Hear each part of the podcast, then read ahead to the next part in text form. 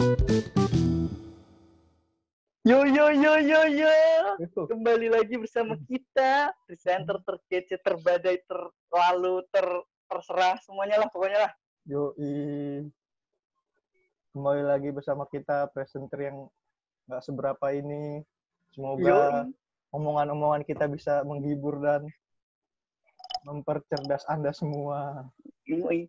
Karena kita adalah Adalah duo dua sabu. Blub, blub, blub, blub, blub, blub, blub.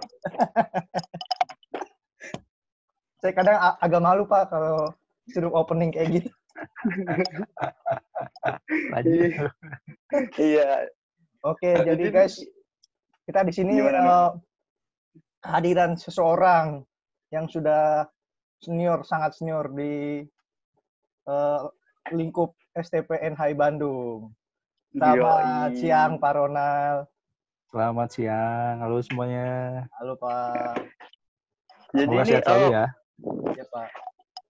jadi Pak Ronald ini adalah salah satu dosen eh, kesayangan kita. Yoi. Sayang. Nah, Dosen terbaik lah pokoknya dah. Ya nggak, Pak? amin. Amin. Amin. Amin. Dia dia juga adalah pembina mahasiswa eh, manajemen pengaturan perjalanan. Yoi. Kita sering futsal sama dia. Kata Yoi. siapa? Saya barusan Pak. Oh, warisan ya. Kan tadi sudah di briefing Pak kita Oh, sudah ya? Oh ya. maaf, maaf. Biar kita tuh kelihatan dekat gitu. Oh, kelihatan. Oke, hari Sabtu ya jam 10 yang Iya. suka futsal datang. Promosi dikit. Boleh apa aja. Biar Penting datang dulu. Tuh, main gak main terserah, bayar yang penting ya. Yoi, itu yang penting. Bayar Ronald nih ya. udah eh, dulunya adalah mahasiswa di STP juga, sekarang juga Ya. jadi dosen juga. Hmm. Jadi eh, sudah malang melintang lah di STP. Sudah apa? Jadi kelihatan tua ya. Jangan sebut tua ya. Malang sih. Oh Kok iya, Malang sih. Kita, Bandung, kita di Bandung. Bandung. oh iya, Bandung. Bandung, Bandung melintang melintang. STP. Yoi. Nggak ada Bandung melintang gini dong, bro. Oh iya Pak, kita Ya. di sini eh, Gimana gimana? ingin sedikit bertanya-tanya kepada Bapak Hmm. tentang STP. Boleh gak Pak? Harusnya bayar sih. Tapi ya udahlah nggak apa-apa. Saya gratisin kali. Bisa aja. Tadi mau dibayarin pulsa sama Dipto katanya Pak. Oh, oke. oke. Oh iya, 10 tahun kan? Berarti dia nggak lulus 10 tahun nih. Tapi dia Gimana, gimana? Mau nanya apa nih? Mudah-mudahan saya bisa jawab ya. Iya Pak. Jadi kita Oke, ada gimana, beberapa pertanyaan yang akan kita lontarkan. Asik. Jauh Nah, lontarin.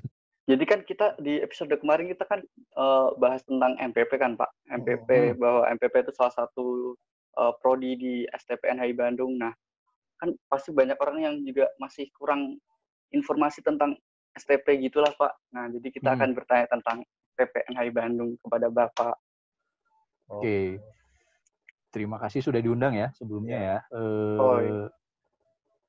Untuk menjelaskan STP ya betul saya lulusan STP lumayan lama. Nanti saya nggak sebut tahun, disangkanya tua nanti.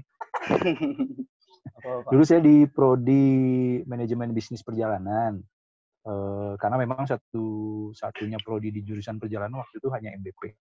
Oh, Hmm. Nah, eh, jadi STP ini adalah eh, kampus yang bernaung di bawah Kementerian Pariwisata. Eh, dulunya kan kalau kita lebih kenalnya NH ya, bukan STP gitu. Jadi Ya. nama NH ini sebenarnya terkait sama sejarahnya dulu eh, tahun tahun 70-an. Mungkin kalau di MPP kayak Dipto dan Hanif pasti harus tahu eh, kan kita CGS nih kalian dari CGS ya? Pasti jelas Ya. tentang sejarah jadi pasti saya yakin anak MPP tahu lah sejarah yang jelas pertama kali didirikannya itu tahun 1959 dulu itu masih di bawah Departemen Pendidikan dan Kebudayaan. Itu setahu saya namanya Sekolah Kejuruan Perhotelan itu tahun 59 lalu berubah nama di tahun 62 itu jadi ada penambahan kejuruan perhotelan dan perestoranan. Lalu tahun 63 atau 65 eh, di, bukan dirubah ya. Kalau yang pertama ini hanya D1 dan D2 setahu saya.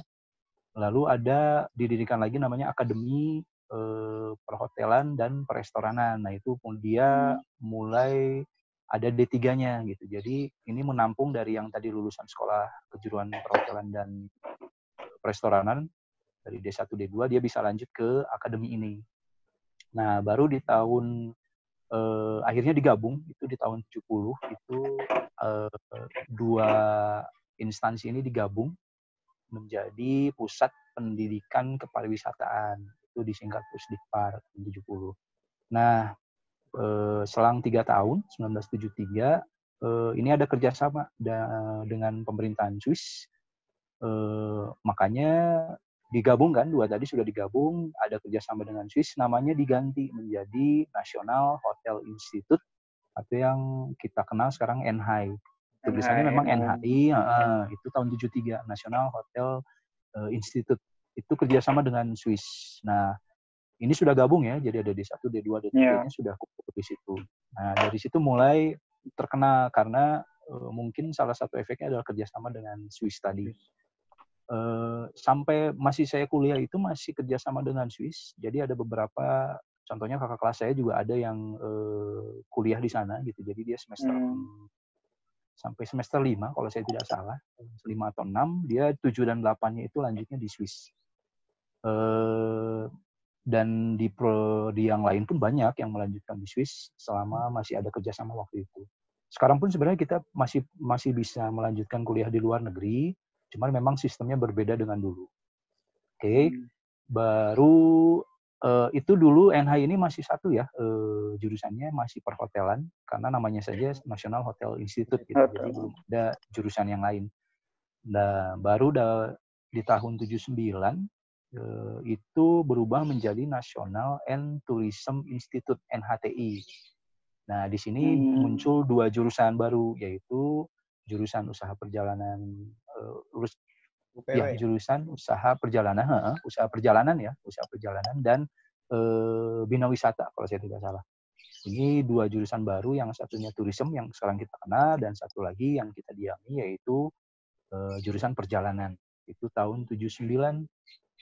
Nah, selang berapa tahun kemudian, tahun 80 eh maaf, 93. Tahun 93 baru disahkan menjadi Sekolah Tinggi Pariwisata Bandung dengan mengakomodir D4. Nah, sebelum 93 ini semuanya D3. D1, D2, D3. Sampai tahun 93 dirubah menjadi sekolah tinggi, maka dibuka diploma 4. Gitu, diploma 4. Nah, sejarah MPP belum ada sampai tahun 93 gitu ya. E, di angkatan saya masih ada perjalanan itu masih ada UPW namanya MUP, maaf. MUP itu sampai kalau saya tidak salah sampai tahun 2003 eh, saya sendiri MBP itu dari tahun saya lupa di tahun 2000-an yang jelas untuk MPP manajemen pengaturan perjalanan itu adanya di tahun 2007 nah Baru. inisiasinya awalnya waktu uh, itu inisiasinya adalah untuk merubahkan sekolah tinggi nih mau dirubah menjadi hmm. universitas nah kalau hmm. universitas kan syaratnya banyak tuh jurusannya harus ada berapa prodi yang kayak kayak gitulah. Jadi jurusan perjalanan dikembangkan, pariwisata juga dikembangkan. Kan pariwisata dulu hanya sebenarnya hanya MKP dulu, manajemen kepariwisataan. Hmm. Tapi sekarang kan ada MDP, ada MBW kan. Iya, MBW. Dimekarkan lagi termasuk uh, uh, jurusan perjalanan dulu hanya MBP. Lalu di dimekarkan lagi ada MKE yang sekarang kita kenal itu manajemen konvensi dan event manajemen bisnis perjalanan uh, tetap ada dan yang kita manajemen pengaturan perjalanan itu tahun 2007. Awal mulai. Sebenarnya ada sejarahnya juga 2008 kita ada S1 karena ngejar universitas tadi. Cuman S1 ini kemarin akhirnya uh, karena mm, akhirnya dihentikan uh, berhenti ya penerimaannya untuk S1 karena uh, ada beberapa syarat yang belum dapat dipenuhi atau gimana saya kurang tahu yang jelas memang eh, sampai sekarang kita hanya ada penerimaan kalau tidak salah itu 11 eh, program studi. Hmm. Di 11 ini satunya adalah pasca sarjana ya. Gitu dan oh. saya masih tercatat di pasca. Promosi itu sih. Nah, nama NHI ini uh, eh, NHI ini yaitu National Hotel Institute itu gitu. Jadi hmm. orang lebih mengenalnya NHI. Nah, dulu belum ada nih STP Bandung, hanya STP Bandung aja. Setahu saya baru beberapa tahun yang lalu, karena memang lebih terkenal, orang lebih kenal NHI, NHI, eh, akhirnya kalau tidak salah ditambahkan STP NHI Bandung. Karena kita memang pionirnya NHI itu ya kita. Itu eh, bagi yang belum tahu mungkin eh, NHI itu ya STP. Hmm. STP itu NHI karena eh, hanya perubahan nama saja sih. Gitu. Budayanya tetap seperti itu. Mantap. Gitu sejarahnya. Sedikit. Lumayan ya, kayak lagi guiding saya nih. Iya, Pak. Saya Itu terpaku. sih sejarah. Berdarah terpaku ya. Kena dong. Terus Itu. eh, Pak, Gimana gimana? Hanu tuh Pak, mau tanya tuh Hanu tuh. oh, Sweet Ini, dulu Pak. deh, sweet siapa dulu? saya dulu aja deh. Pertanyaan kita sama. Oke. pertanyaan sama. oh, Oke, gimana? Nu? Eh, perbedaannya STP NHI sama Akpar NHI apa sih Pak sebenarnya Pak? Orang-orang juga banyak yang tanya. Banyak nanya ya. Heeh. Jadi Sebenarnya dulu, dulu saya juga nggak tahu Pak perbedaannya. Pas tahu baru pas masuk STP. kalau Oh. baru masuk ya, Ah. oke. Jadi gini, eh, kita itu eh, sebenarnya gini. Tadi saya sempat eh, kelewat untuk menjelaskan kita kan di bawah Kementerian Pariwisata ya. Hmm. Sedangkan sekarang itu peraturannya semua eh, seluruh pendidikan di Indonesia itu harus di bawah Kementerian. Pendidikan. Oh iya. Nah, kita di bawah kementerian secara wewenang, tapi eh, secara akademis atau akademiknya kita tetap mengacu ke dinas pendidikan. Hmm. Nah, dari situ udah kelihatan kita tuh di bawah. eh, kalau bahasa kita tuh simpelnya kita tuh negeri, karena kita di bawah kementerian. Sedangkan Akpar NHI itu swasta. Nah, sejarahnya kita memang tidak bisa lepas dari Akpar NHI ini tidak bisa lepas dari kita karena Akpar NHI ini munculnya itu eh, pionirnya justru dari eh, dosen atau pengajar di STP Bandung. Akpar NHI ini eh, munculnya 2001 itu atas inisiasi dari eh, inisiasi dari beberapa pengajar di STP membuat yayasan gitu ya yayasan STP Bandung dan mereka membentuk Akpar NHI. Kenapa dibentuk Akpar NHI? Jadi ketika kita berubah jadi STP Bandung, kita hanya menerima itu eh, diploma 3 dan diploma 4. Nah, Hmm. Akpar ini mengakomodir yang diploma 1 dan diploma 2. Kan banyak ya Oh. yang Oh. orang tuh pengen ya sekolah setahun ya sudah langsung bekerja. Makanya dibuatlah Akpar. Gitu. Jadi perbedaannya itu. Satu, kita negeri, Akpar swasta. Oke, heeh. dari jurusan kita punya tiga jurusan. Mereka tuh hanya satu jurusan saja perhotelan.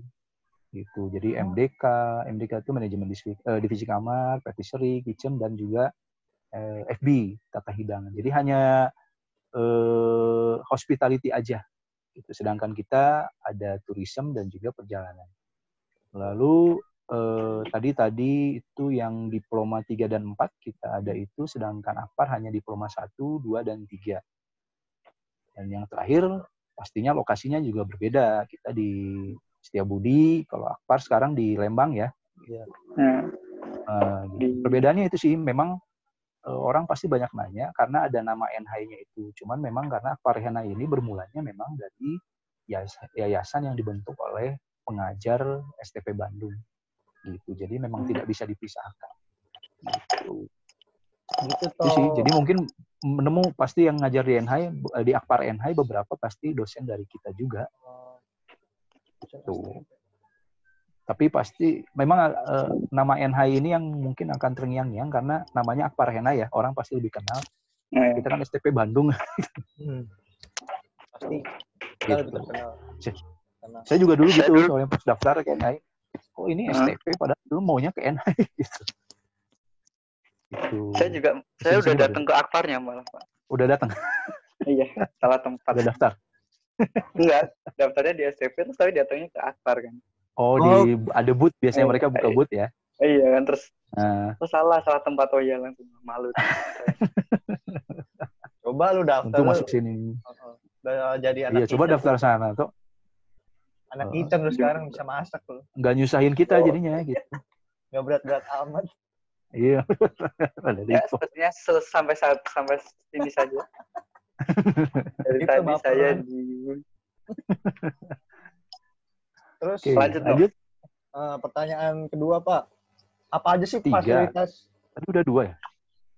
Udah dua, no. Ini Tiga ketiga gimana? Oh iya ketiga ketiga. Mohon maaf. Korupsi. Fasilitas Dua apa lagi. aja sih Pak yang ada di STP NHI Bandung Fasilitas. dari mulai Hmm, bayar-bayar gitu mm-mm. apa, apa aja yang didapetin mahasiswanya? Oke. Eh, untuk fasilitas, tadi kan saya sudah jelasin kita negeri ya, eh, sedangkan yang Akpar adalah swasta. Dari sisi kita statusnya di bawah kementerian aja ada sisi kemudahan di biaya. Biaya kita pastinya lebih murah dibanding eh, sekolah eh, setingkat eh, di bidang yang sama. Biaya kuliah kalian kan setahu saya itu kisarannya yang paling murah itu 2 juta ya sekitar 2 sampai 3 juta ya kalau saya tidak salah. Iya Pak. Yang Ya. paling mahal itu eh, yang paling mahal itu eh, di 4 juta 4 juta sekian itu yang eh, yang B ya, yang Bell kalau saya tidak salah itu yang eh, kelas B. Sedangkan untuk yang kalian yang reguler itu di angka 2,8 2,9 kalau saya tidak salah. 28. 28 ya. Itu Ya. biaya semester. Sedangkan ada biaya pendukungnya. Eh, kalau tahun lalu itu di kisaran yang paling murah itu pasca. Pasca itu di 2,5. Kalau di MPP itu kalau saya tidak salah di angka 7 ya, 7. Iya Pak. Dan yang paling mahal itu eh, manajemen divisi kamar itu dia di 10 juta. Itu. Kenapa beda? Kalau untuk biaya kuliah setahu saya sama eh, biaya kuliah di 2,8 tadi. Semua program studi sama setahu saya. Yang beda itu di biaya pendukung karena biaya pendukung ini nanti kalian akan mendapatkan fasilitas tadi yaitu di antaranya seragam, gitu ya, ada jas, ada dasi, ada KTM, ada PIN, ada biaya praktek, ada biaya senat, asuransi, gitu. Jadi kenapa MDK bisa lebih mahal? Karena baju prakteknya aja seperti kalian tahu kan ada berapa macam Banyak. tuh gitu ya, Iya. banyak. Sedangkan kita biasanya larinya ke biaya praktek, gitu, field trip, gitu kan, tour workshop, gitu. Eh, Lalu yang terakhir ada satu lagi biaya namanya IOM ya. IOM itu Iya. tahun lalu 800 ribu. Ini IOM ini adalah Ikatan Orang Tua Mahasiswa ya. Gitu. Jadi fasilitasnya kurang lebih itu yang didapat. Sedangkan di kampus sih eh, yang terbaru kemarin itu kalian sudah eh, tidak takut lagi untuk kehausan di kampus karena kita sudah disiapkan eh, air minum gratis ya. Tinggal bawa tumbler saja atau bawa eh, badan yang sedang kehausan, tinggal pencet langsung Air dingin lagi Pak. air dingin. Gitu. Jadi fasilitas itu sih field trip tour workshop sudah masuk. Cuman gini eh, yang harus digarisbawahi adalah karena kita negeri kita jadi sistemnya tuh biaya yang kalian bayar itu bukan kami terima gitu. Itu masuknya ke negara. Hmm. jadi nah- kami itu sistemnya seperti APBN lah atau APBD gitu. Jadi kami dapat limpahan dari kementerian nih biaya per tahun STP sekian biaya kuliah kalian kami tidak pernah eh, pegang sama sekali gitu. Itu masuknya ke negara. Gitu. Hmm. untuk fasilitas itu sih ada lagi nggak ya kira-kira? Paling ya sih kalau untuk MPP mungkin karena lebih spesifik ke field trip aja sih. Field trip sama eh, tour workshop. Field trip kalian kan eh, tiap semester ada tour workshop juga ada masuknya ke situ. Asuransi biasanya yang paling krusial itu di saat PKN lalu ada biaya senat itu sih fasilitas yang kalian dapatkan.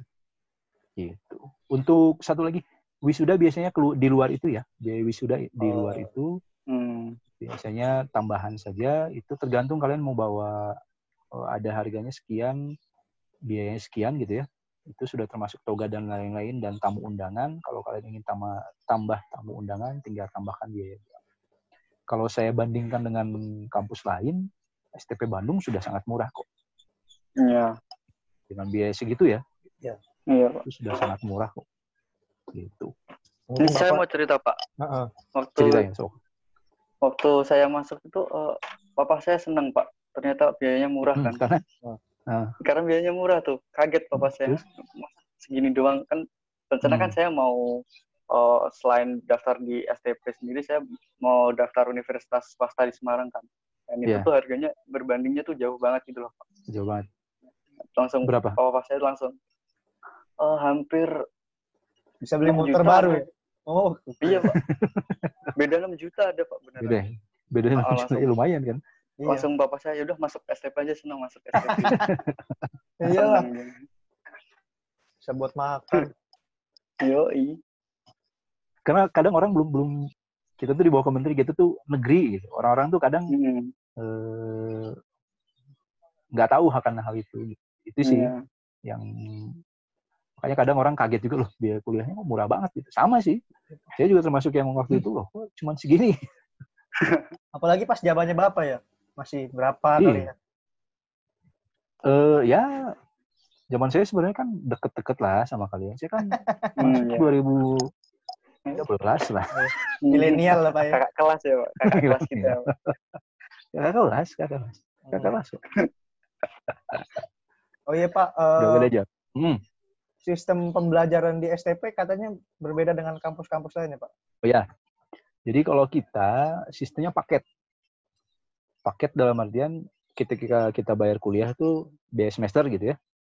Kita Hmm. pa- langsung paketnya dapat semua, nggak kayak sistem kampus lain yang kita mau ambil SKS mana nih gitu ya. Hmm. Eh, saya mau ngambil ini, mau ngambil ini. Kalau di STP tuh eh, semester 1 ya paketnya sekian. Semester 2 Hmm. paketnya sekian SKS, sekian SKS itu langsung kita dapatkan di semester itu gitu. Jadi kita tidak bisa milih. Kalau di diploma 3 itu 110 sampai 120 SKS. Kalau kalian 140 sampai 160 SKS.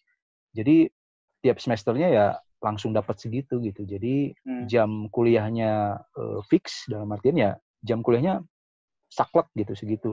Kalau di kampus lain kan ah saya mau ngambil yang jam segini, mau ngambil kuliah yang ini. Kalau kalau di STP enggak. Kita sistemnya paket.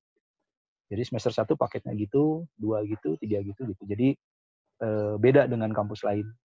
Gitu. Itu Jadi yang mirip kadang kalau kita gitu ya, ngobrol sama Eh, eh, kadang kalau kita ngobrol sama kampus lain, loh kok belajarnya begitu? Gitu. Iya Pak. Itu sih, itu itu salah satu hal unik di STP. Hmm. Jadi guys, kita sekolah eh ngampus tuh kayak SMA aja. Tapi kita masuk Ya. jam 8. Pulangnya setengah lima. jam 7 Itu Iya, kayak curhat.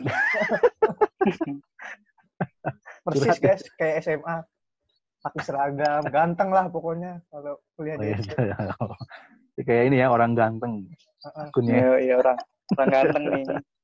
Iya kan Pak, kalau kuliah di STP emang harus ganteng kan ya Pak ya? Nggak boleh Eh, Mantap. apa ya? Well Harus groom lah rapi. bahasa gitu tuh well groom. pokoknya Ah, rapi, harus rapi. nggak boleh kucel. Tuh, jujur ini karena WFH eh, rambut saya gondrong. Nggak saya, enak saya juga ya. saya, saya juga biasanya Saya juga, Pak. makanya saya juga. makanya ini benar-benar karena kita WFH, makanya penampilan kita seperti ini. Kalau Iya. aslinya kan Hmm. kalau di kampus tuh ya Wah. tahu sendirilah rambut Pangling. aja harus gimana. Jadi guys Dasi biasanya lah saya, apalah gitu ya. Iya. biasanya gue kalau di kampus tuh kulit putih gitu muka kayak artis Korea gitu rambut tuh rapi gini nggak kayak gini Ini bohong. Beda. Putihnya Ini kayaknya enggak. bohong.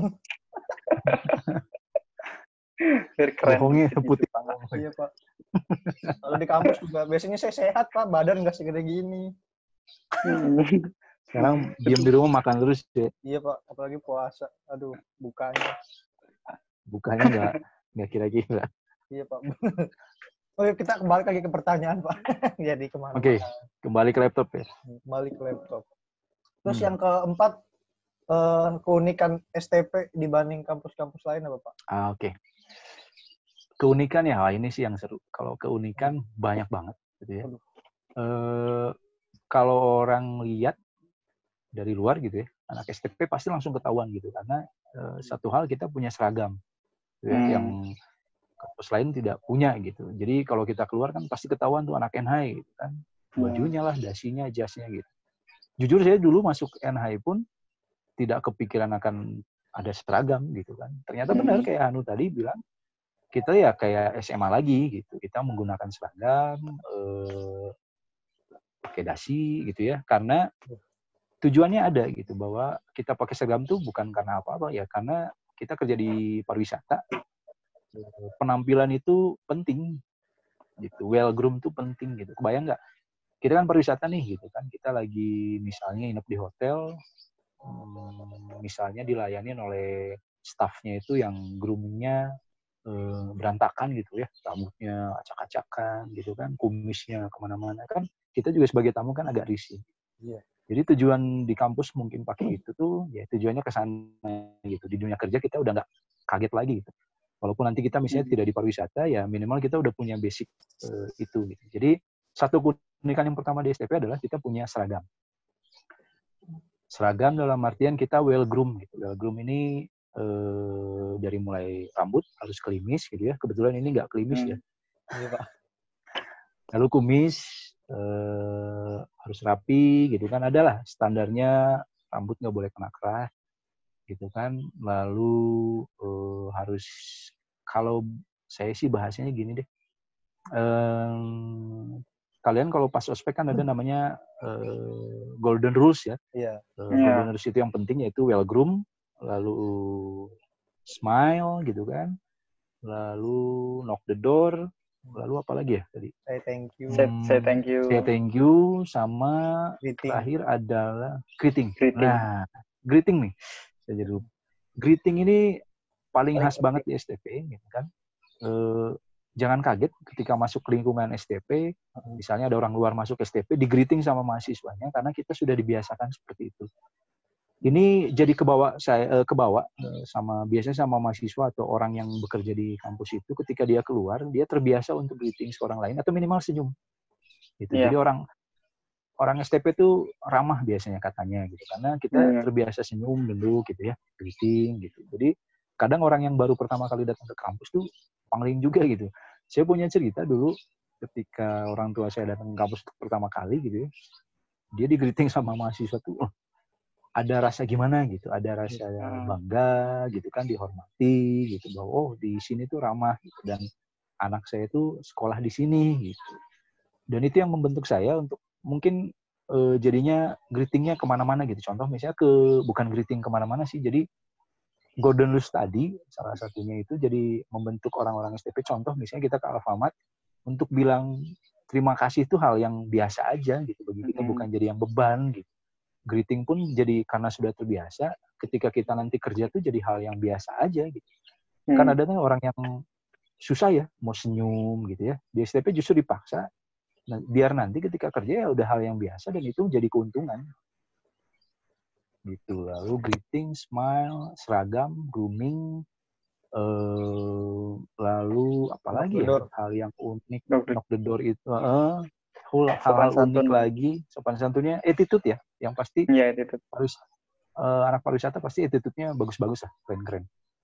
Lalu eh, oh ya, hal unik lagi di STP adalah kita bisa mengenal mana yang eh, mahasiswa baru, mana iya. yang sudah middle, mana yang sudah Senior. semester Senior. akhir, senior. Ya, contoh lah kalau kalian baru masuk kan sem- berapa ya dua minggu ya baru dapat seragam ya Iya dua minggu. dua minggu ya sebelumnya masih hitam Mhm. putih ya Iya Amin. masih kayak pasti penguin. kelihatan ya, wah ini penguin. ma- ma- Memang, mahasiswa baru nih gitu. Wow, kalau udah mahasiswa baru biasanya greetingnya keras-keras. Wah, masih semangat lah. Udah mulai dapat seragam mulai turun biasa. Semuanya di greeting, Pak. Mau ke kantin agak gimana Iya, gitu, takut-takut agak gimana, berat. karena masih pakai pergi ke mana-mana bergerombol gitu kan nggak bisa. Bener kan? Iya. Jadi seragam kita beda banget, eh, basic. Basic itu dia belum pakai jas, baru dasi, pin segala macem.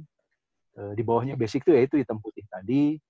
Lalu naik ke atas setelah pulang job training biasanya kalian dapat jas. Jadi jas ini ada dua, ada jas alma mater, ada jas eh jas apa ya namanya ya? Brown, Brown brown jacket. jacket.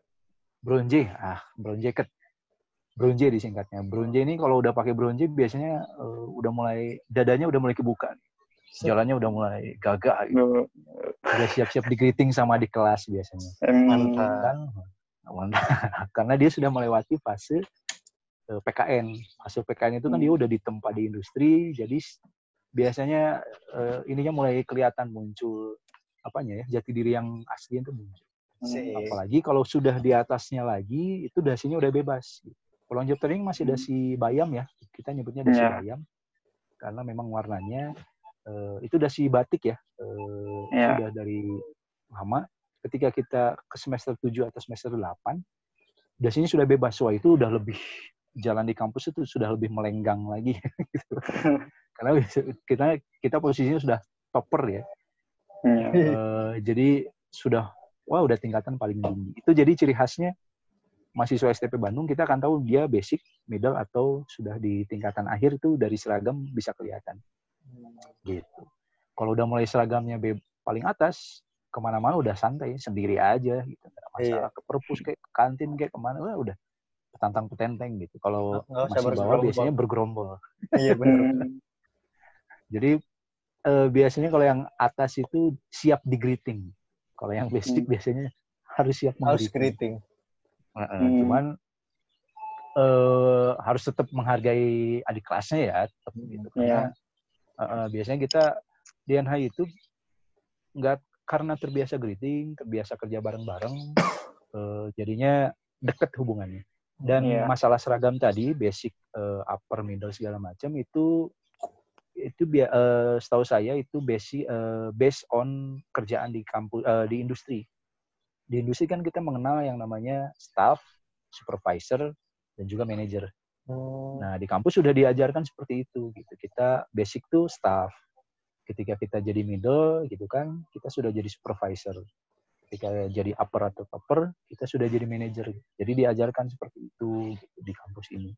Jadi budayanya benar-benar bisa dipakai nanti di dunia industri gitu. Jadi bukan asal seragamnya begini enggak, ada ada ada tujuan yang ingin didapat gitu. Jadi nggak sembarangan kok.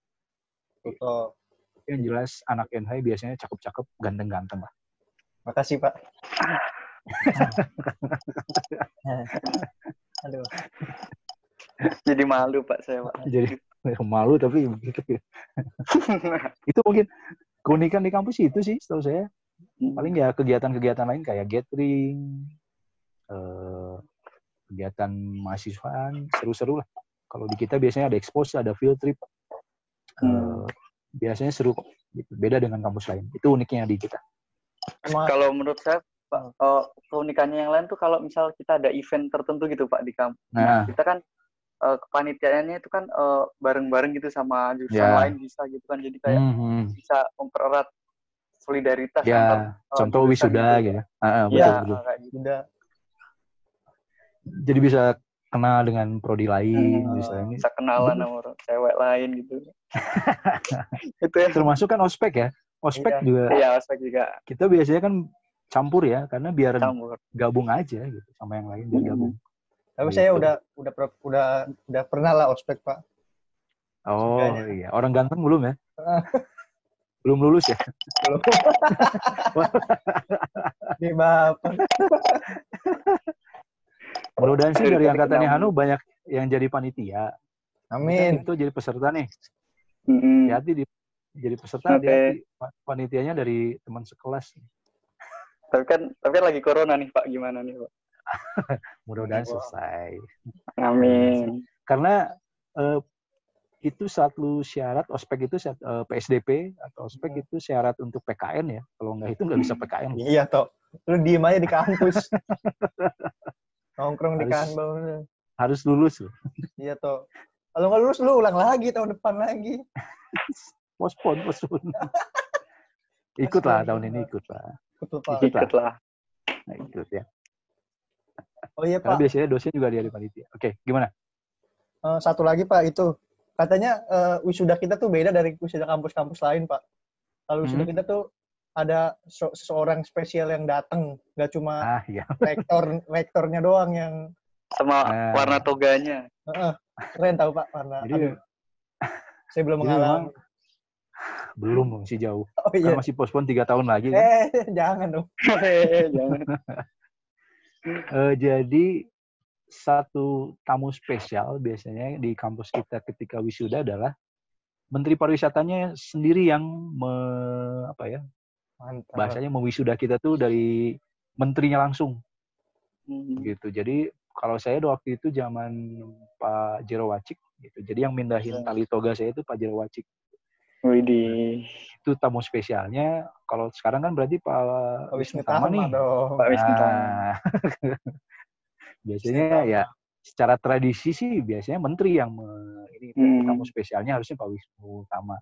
Dan biasanya kalau menteri datang dari daerah biasanya pasti eh, maksudnya dari perwakilan pemerintahan daerah biasanya ada apakah gubernur atau wali kota gitu. Jadi kayak tahun lalu terakhir itu Pak Ridwan Kamil muncul gitu nah, hadir untuk Hmm. eh, ini lalu wakil gubernur pernah, gubernur juga pernah gitu kan. Jadi tamu spesial kita saat wisuda biasanya itu dan wisuda kita tidak eh, kalau du- mungkin beberapa kampus yang lain pemindahan tali toga pun ada ada yang oleh eh, sendiri gitu ya. Jadi simbolis aja gitu ya depan dipindahkan yang lain mahasiswa mindahin sendiri. Kalau di kita enggak, satu-satu ke depan dipindahkan di foto gitu. dan eh, yang mindahinnya menteri gitu. Kalau warna toga biasanya based on jurusan dan prodi, jurusan setahu saya. Itu warnanya. Gitu. Dan selalu di kampus sih. Enggak sih, memang sempat ada di luar karena renov dom, tapi biasanya kita di dom. Di dom kita buat Di- wisuda. Aula. Betul. Dan panitianya mahasiswa kita, dosen kita gitu. Jadi wisudanya dari kita untuk kita. Asik. Yo, asik, asik banget. Asik banget kayaknya ya. Udah wisuda. Doain semester 8 Mm, tahun ini wisuda. Amin. Doain. Amin. Jadi coronanya cepat selesai. Mudah-mudahan September bisa. Saya doain sidangnya juga lancar lah buat semester 8 ya. Amin. Amin. Doa juga buat kita semoga lancar terus Pak, nggak ada pospon. Amin. Amin. Amin. Nah, ini kan, Makanya ikut makanya ikut PSDP. Aduh.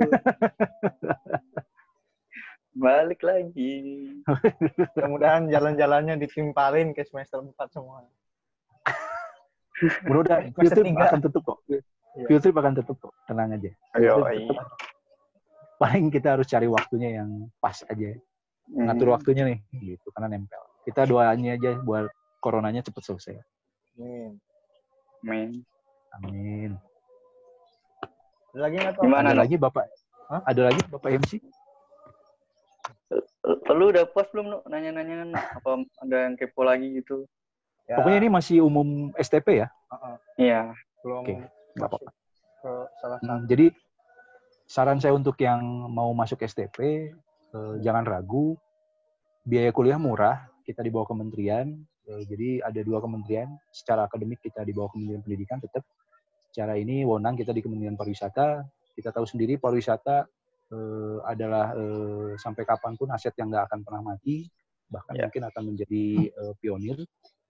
Masuk STP susah-susah gampang menurut saya, gampang-gampang susah minimal psikotes. eh, jadi kan yang dites psikotes bahasa Inggris eh, tertulis maupun lisan dan wawancara gitu. Jadi triknya ketika kalian menguasai tiga ini jangan ragu untuk ikut daftar di STP. Masalah jurusan kita sudah lengkap ada perwisataan, ada perjalanan, ada perhotelan. Kita Perhotelan. sendiri perjalanan ya, manajemen pengaturan Hmm. perjalanan. Kalau suka tur nggak perlu nanya lagi lah. Ya. MPP. Mantap. Yo, Suka jalan-jalan. Suka jalan-jalan sudah MPP aja. PP. Karena kadang orang bingung, mau tur tuh ke mana sih? Ya MPP. Iya. MPP. Mau jalan-jalan MPP. Pokoknya MPP loh. Promosi dikit. Ada lagi nggak tuh? Oh, sepertinya cukup nggak sih pertanyaan kita untuk episode kali ini? Cukup ya? Nah, itu dulu. terima kasih buat Pak Ronald sudah meluangkan Ya. waktunya untuk kita. Saya juga ucapan terima kasih. Eh, saya mewakili dosen yang lain. Eh, terima kasih ya sudah diundang. Tadinya mau Pak Anggi ikut, cuman eh, tidak bisa gitu ya. Jangan Pak, Ronald aja Pak, jangan Pak Anggi Pak. Ini Saya ini dibulinya lebih ya. parah. ya, lu- oh ya lupa. Nanti tolongin di upload ya. Di tag ya Pak Anggi. Terima kasih ya. Mudah-mudahan eh, kalian tetap kuliah lancar walaupun. WFH tetap Amin. eh, tetap rajin eh, bisa tetap kuat sampai nanti selesai WFH-nya selesai coronanya selesai kita kuliah seperti biasa lagi kuliah kalian lancar Amin. Sudah Pak Ronald juga lancar terus Pak. Kesehatannya juga. Oh ya Pak Ronald habis Amin. operasi semoga lekas Iya. sembuh kembali. terima kasih doanya sudah sampai sudah sehat kembali sekarang Oh. Dan terima kasih juga buat para pendengar yang sudah mendengarkan episode kali ini. Yoi. Semoga berfaedah semoga menambah wawasan bagi para pendengar dan sampai jumpa di episode selanjutnya. Selanjutnya. Bye bye. Bye bye.